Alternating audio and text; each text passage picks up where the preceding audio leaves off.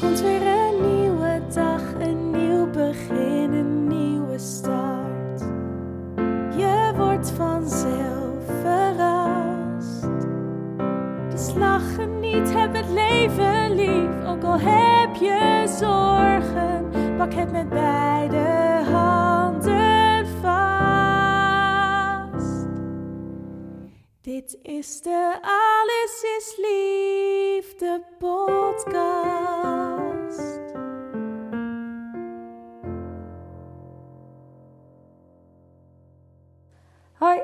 Leuk dat je luistert naar de Alles is Liefde podcast. De podcast over liefde, seks en relaties.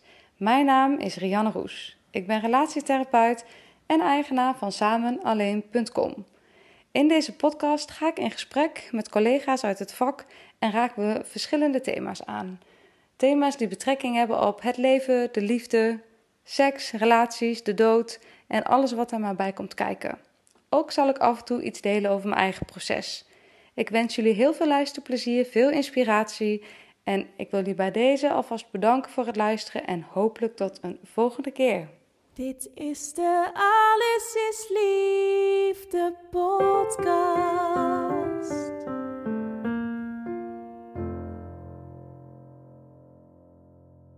Hey mensen, wat leuk dat jullie weer luisteren naar de Alles is Liefde podcast. Weer een korte aflevering van mij waarin ik uh, beloofd heb jullie mee te nemen in mijn uh, proces naar mijn werk zo inrichten op de voor mij meest ideale en passende manier. Nou, en ik heb net iets heel spannends gedaan. Uh, ik heb ehm, een bericht gestuurd naar de NVPA. En dat is een, voor de mensen die het niet kennen, een soort beroepsvereniging. Het is een uh, register voor beroepsbeoefenaars van de complementaire zorg. En als je daarbij aangesloten zit, krijg je een deel van de zorg, van de uurtje factuurtje structuur, vergoed door de zorgverzekeraar.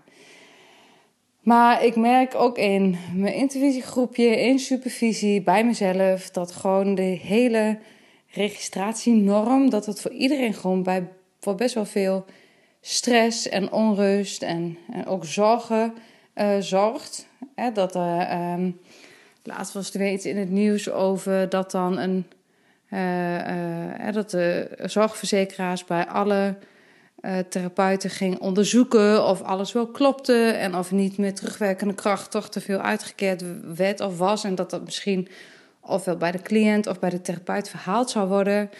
Uh, het ging over visitatie, over dat dan iemand van een beroepsvereniging bij je langskomt om te kijken of je het allemaal wel in orde hebt, of alles wel klopt, of je wachtkamer aan de eisen voldoet, of je ruimte, praktijkruimte aan de eisen voldoet. En daar is op zich natuurlijk allemaal niet zo heel veel mis mee. Maar dat gevoel van controle, dat gevoel van we gaan kijken of jij het wel goed doet en wie bepaalt eigenlijk wat goed is en welke norm het moet voldoen daar krijg ik gewoon de kriebels van. Ik word er opstandig van. Ik vind het niet fijn werken dat er dan iemand ergens, voor mijn gevoel, een, een heel abstract persoon uh, in mijn praktijk komt. En van alles vindt van hoe ik de dingen doe en hoe ik de dingen aanpak. Terwijl echt je mag weten dat ik met hart en ziel dit, mijn praktijk heb opgebouwd. Of in ieder geval mijn bedrijf heb opgeruimd en mijn praktijkruimte heb vormgegeven. Ik heb naar eer en geweten en met alle regels in achtneming, in acht genomen, of hoe ik dat ook moet zeggen, heb ik geprobeerd mijn uh, bedrijf vorm te geven. En er zijn zoveel haken en ogen dat bij uh, zulke beroepsverenigingen ook gewoon bij mij de angst meteen uh, ja, getriggerd wordt van, oh heb ik het allemaal goed gedaan? ze vinden vast dat ik nalatig ben geweest of ze vinden dat ik mijn dossiers niet goed op orde heb. Wat gaan ze dan doen? Wat zijn de consequenties? Het idee dat een zorgverzekeraar in de positie zit om met terugwerkende kracht ineens allemaal uh, ja, uh, facturen toch nog weer onder de loep te nemen. En als het dan niet aan eisen voldoet, dat ze wellicht alsnog wat op je komen verhalen. En die hele energie rondom dat systeem, dat uh, trekt me gewoon leeg. Daar word ik gewoon niet blij van. Uh, nou ja, dat, dat, is wel wat iedereen doet. En ik vind het ook wel hè, een, een, een soort van service naar de klant toe, naar de cliënt. Dat je toch een deel van je hulp vergoed krijgt bij de, bij de zorgverzekeraar. Maar dat maakt het gewoon allemaal ook weer ingewikkeld. Want dan gaat het weer over BTW, partnerrelatietherapie. Daar moet je BTW opheffen. Individuele therapie weer niet. Um, ja, wat, wat, waar doe je goed aan? En waarop kun je voor je gevoel allemaal gepakt worden? Terwijl, wat ik ook bij collega's zie... Ik ken echt serieus geen enkele collega, geen enkele praktijkhouder... die gewoon denkt, joh, weet je, ik doe maar wat... Ik, uh, ik gooi mijn papieren op straat. Ik heb geen dossierkast. Ik heb geen beleid. Ik heb geen visie. Ik heb geen doel. Iedereen is, zoals ik mijn collega's ken, naar eer en geweten aan het handelen in hun vak. We zijn allemaal ontzettend begaan met onze cliënten, met de verhalen van onze cliënten. We houden de privacy in acht. Maar dan het idee dat er nog weer allemaal kaders en structuren en regels en boetes en weet ik veel wat allemaal boven je hoofd hangt, ja, daar krijg ik het gewoon nou, Spaans benauwd. Ik word daar gewoon niet vrolijk van. En het gaat ten koste van hoe ik mijn werk kan inrichten, hoe ik mijn bedrijf kan ontwikkelen en vormgeven. En um, nou, vandaar de keuze om in ieder geval al bij de NVPA te stoppen. Dus dat betekent ook dat mensen niks meer vergoed krijgen. Um, wat ook zo is, is dat het vanuit de alternatieve geneeswijze vergoed werd. En dat als ik met trajecten werk, wat ik nu dus doe, dat ik al sowieso een dagdeel samenwerk. Dus dat het uiteindelijk echt maar een heel klein, uh, ja, klein uh, percentage is wat je dan uiteindelijk nog vergoed krijgt. Uh, dus dat zet niet heel veel zoden aan de dijk. En um, ik wil ook gewoon uit dat systeem. Ik wil uit dat systeem waarbij andere uh, beroepsverenigingen, uh, wat uiteindelijk ook gewoon een select groepje mensen is die uh, iets vinden over de structuur en de inhoud van je werk. Ik wil gewoon niet meer dat dat, dat mijn werk inhoudt en ook mijn werkplezier, maar ook mijn werkveiligheid of zo beïnvloedt. En ik weet dat uiteindelijk dit soort beroepsverenigingen er ook echt zijn.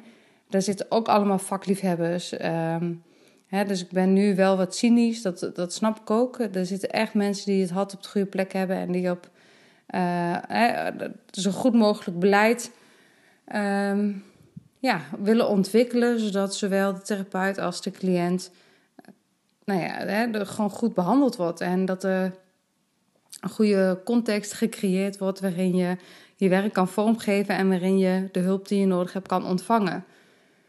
Maar toch voor mij werkt het niet goed. Het, het, voelt voor mij toch steeds als een motie van wantrouwen. Uh, ik moet van allerlei bewijzen aandienen.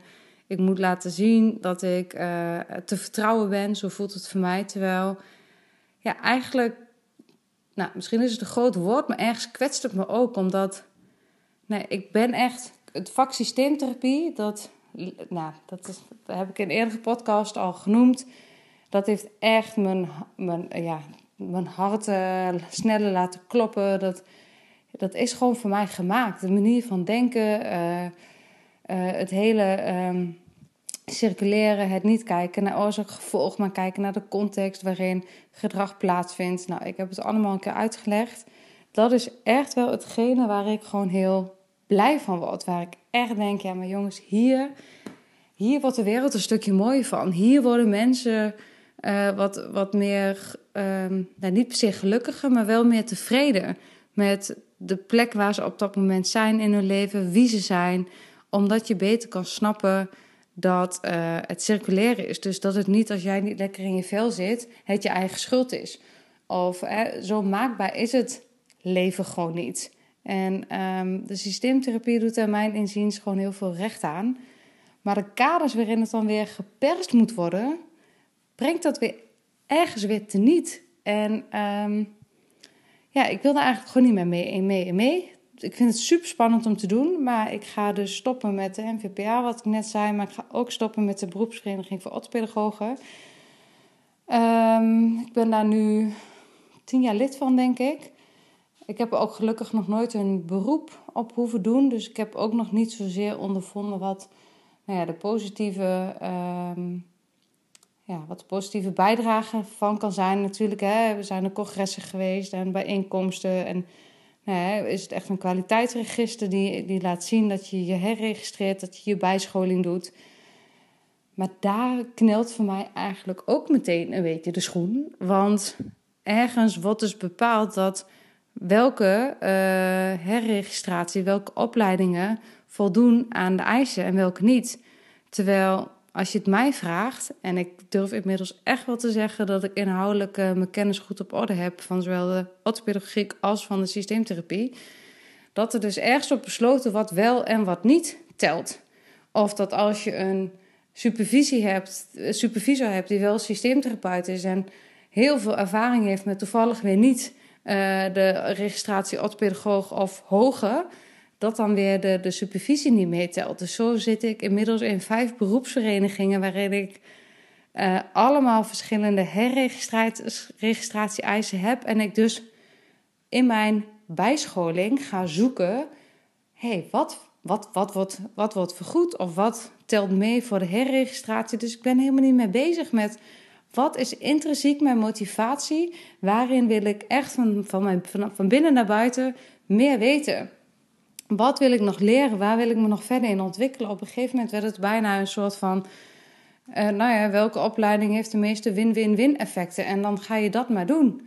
Terwijl ik daar dan niet met hart en ziel zit. Maar goed, hè, een opleiding uh, volgen kost gewoon tijd en geld. En als je het dan kan combineren, dan kies je toch voor het, nou, het effectiefst, maar zeker niet het efficiëntst en absoluut niet het meest waardevol. En dat wil ik gewoon ook niet meer als leidraad nemen voor mijn persoonlijke ontwikkeling, maar ook niet voor mijn professionele ontwikkeling. Dus ik wil daar eigen keuzes in kunnen maken. Ik weet van mezelf, ik ben ambitieus, ik ben leergierig, ik ben nieuwsgierig. Ik ga daar wel weer mijn weg in vinden. Ik ga nu dingen opzoeken waarvan ik denk dat ze echt bij mij passen. Los van tijdsinvestering, los van uh, uh, geld, maar zeker los van accreditatie. En die accreditatie ook goed bedoeld, want ik vind echt dat mensen uit het vak. Je moet nieuwsgierig blijven, je moet ontwikkelingen blijven volgen. Maar wat je ook zeker moet blijven volgen, is wat er bij jou van binnen gebeurt. Hoe zit jij erbij? Wat is de, het proces waar je zelf in zit? Waar zit jij in je persoonlijke ontwikkeling? Waar wil je nog verder in groeien? Wat is je purpose? Waar gaat je hart sneller van kloppen? En niet een rekensommetje in tijd en geld en kijken naar goh, wat is het meest effectief zodat ik zo snel mogelijk mijn herregistratie kan halen. En ik had ook mijn dossier ingediend bij de NVO, omdat ik nou ja, een paar maanden geleden nog dacht, ik ga daar wel mee door. En dan is er gewoon één dingetje weer niet goed, moet ik dat hele dossier weer gaan doorspitten.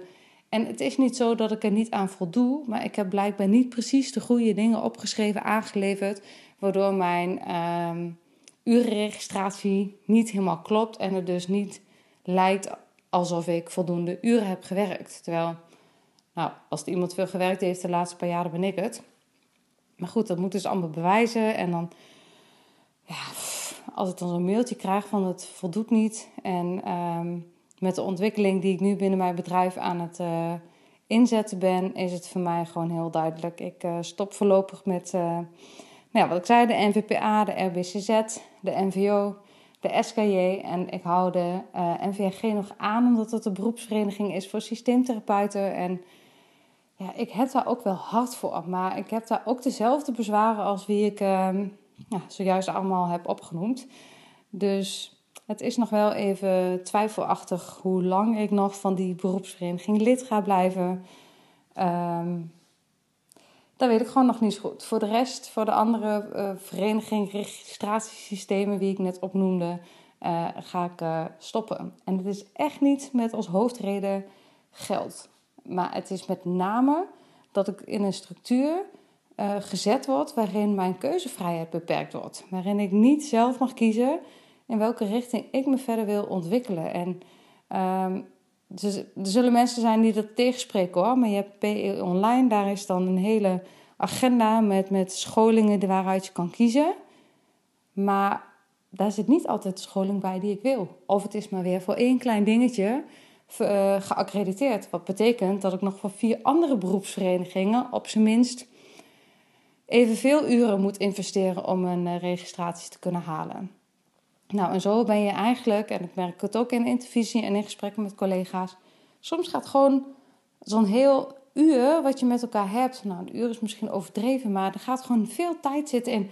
Oh, komt er bij jou visitatie? Ehm, heb je dossiers op orde? Ja, ik heb mijn dossiers op orde, maar heb je de AVG-verklaring wel? En ehm, nou ja, het, terwijl ik denk, hoe fijn is het dat je met collega's kan sparren over je persoonlijke ontwikkeling, over wat je drijfveren zijn, over waar je nog in wil leren en waarin je nog je persoonlijk wil ontwikkelen. In plaats van dat je bezig bent met een CGT-opleiding en cognitieve gedragstherapie-opleiding en vervolgens zo denkt, ja, want als ik dan de schematherapie doe of wanneer ik dan ook nog de GZ-opleiding doe, dan kan ik, heb ik daar en daar vrijstelling van. Het is allemaal een gekkenhuis voor mensen die niet uit het vak komen. Soms sta ik echt met mijn oren te klapperen, met op mijn oog te knipperen, met mijn mond vol tanden, omdat ik denk, we maken onszelf helemaal gek. We gaan van de ene naar de andere opleiding, van de ene naar de andere accreditatie. En ik heb vijf beroepsverenigingen, maar ik heb collega's die hebben er acht of negen of tien. Nou jongens, waar zijn we dan mee bezig? En dan denk ik, dit kan toch niet, kan toch niet de bedoeling zijn? En ik weet dat elke beroepsvereniging vanuit eigen visie, eigen missie echt wel vanuit de juiste intentie de dingen probeert te doen. Maar voor mij werkt het niet. En voor mij betekent het dus dat ik ga stoppen met al die, uh, ja, al die registratiesystemen. Wat super spannend is, want ik, uh, ik ken eigenlijk geen enkele collega die dat ook doet.